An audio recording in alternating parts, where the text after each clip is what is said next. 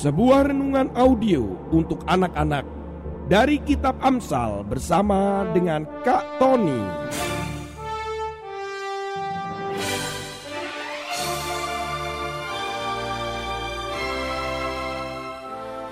Audio inspiring message for kids.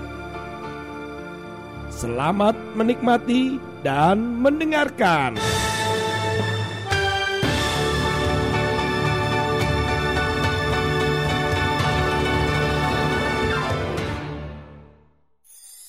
Hai hai hai, ketemu lagi dengan Kak Tony. Shalom anak-anak. Anak-anak, memang kita sering kali bertemu dengan binatang-binatang yang juga itu mungkin mengerikan sekali ya. Apalagi kalau binatang itu adalah binatang buas. Kak Tony sendiri pernah lo ketemu dengan binatang yang ya tapi di kebun binatang. Kalau masuk di kebun binatang itu apa terutama seperti kebun binatang itu yang seperti taman safari begitu. Ketika kita akan masuk di sebuah area di mana situ banyak binatang buas seperti ya harimau, kemudian singa. Nah, itu memang dijaga ketat sekali dengan aturan-aturan yang cukup tepat supaya tidak terjadi celaka anak-anak. Nah, kalau kalian sendiri nih, misal ketemu dengan beruang gitu. Apa terus, permisi Pak Beruang, boleh nggak saya minta madu?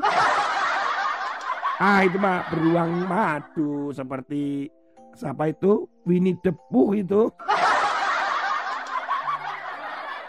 Di Jepang, yaitu tepatnya di prefektur Iwate Jepang, memiliki cara yang unik untuk mengingatkan penduduknya apabila ketemu dengan beruang. Loh, kenapa ya? Oh, gini begini begini. Memang di daerah Iwate Jepang ini memang banyak sering kali beruangnya berkeliaran dan bisa saja ketemu dengan manusia. Nah, jangan-jangan beruangnya bisa jalan-jalan beli madu gitu kali ya. Ya, tapi masalahnya beruangnya itu adalah beruang-beruang yang memang beruang yang berbahaya bagi manusia. Oleh karena itu, pemerintah prefektur Iwate Jepang mencoba untuk mengingatkan penduduknya dengan cara yang unik. Biasanya kan dengan tempelan gambar-gambar atau mungkin pengumuman di televisi.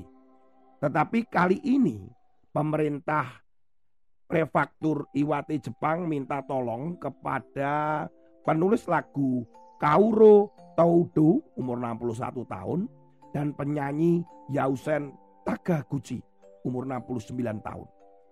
Mereka berdua diminta untuk menuliskan sebuah lagu dan menyanyikan lagu itu. Nah, lagunya apa ini? Ternyata lagunya jenisnya jenis lagu rock. Loh, digunakan untuk apa ya?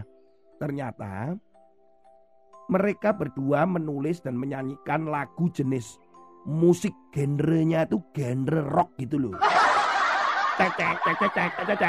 gitu. Nah lagu itu isinya adalah semua yang terkait dengan peringatan bahayanya bahkan cara mengatasi apabila ketemu dengan beruang. Supaya mereka lebih memperhatikan gitu anak-anak. Kadang mereka tidak mengingat atau memperhatikan peringatan-peringatan yang ditempel ataupun ditulis. Nah, pemerintah prefektur Iwake Jepang ini mencoba untuk dengan cara lain. Perhatikan saja loh. Bayangkan isi daripada lagu itu. Begini isinya. Jadi menurutmu anak beruang itu lucu?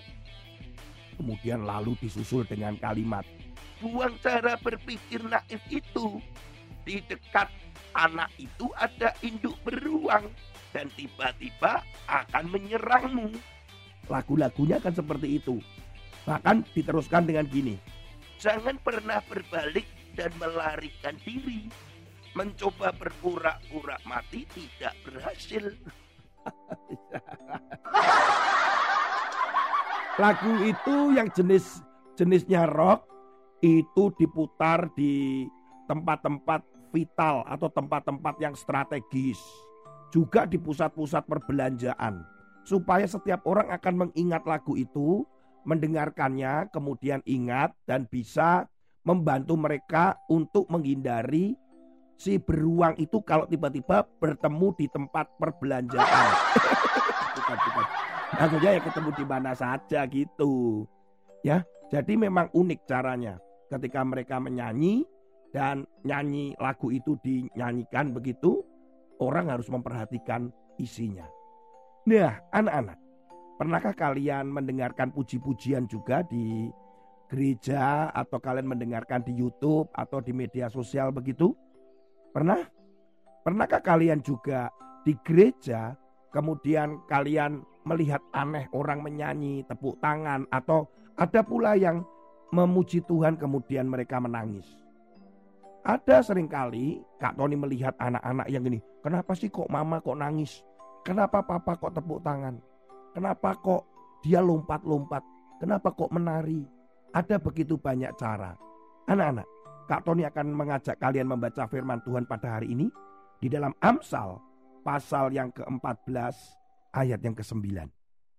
Orang bodoh mencemoohkan korban tebusan, tetapi orang jujur saling menunjukkan kebaikan.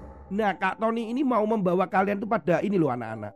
Korban tebusan itu berbicara tentang penyembahan. Korban tebusan itu berbicara tentang sesuatu yang dilakukan di dalam gereja ketika seorang imam itu zaman dulu di bait Allah. Seorang imam itu membakar korban tebusan. Orang yang ingin dosanya diampuni, mereka datang membawa domba, kemudian kepada imam, imam itu kemudian memotong, kemudian dibakar, diambil minyaknya, dagingnya, dan seterusnya. Sehingga ketika itu dikorbankan, korban tebusan itu, maka dosanya diampuni. Jadi semuanya itu terjadi pada saat mereka ada di bait Allah atau di dalam kemah pertemuan. Nah, anak-anak, itu adalah bayangan sekarang itu ada di gereja. Semua apa yang ada di gereja ketika kalian ibadah, ketika kalian sekolah minggu, ikut papa mama pergi ke gereja, kalian tidak kusuk, tidak sungguh-sungguh. Itu sama sebenarnya dengan kalian mencemoohkan korban tebusan. Ayo kita belajar ketika mereka berdoa, ketika di dalam gereja itu ada pujian atau penyembahan, saat mereka atau bersama-sama dalam gereja mendengarkan firman Tuhan, kita belajar menghormati, mendengarkan dengan baik, ikut memuji Tuhan, ikut bertepuk tangan, bahkan kalian bisa merasakan Yesus, merasakan Tuhan di tengah-tengah ibadah itu. Jadi jangan lagi mencemooh apa itu ke gereja. Ngapain nyanyi-nyanyi. Sementara firman Tuhan disampaikan, eh malah main game.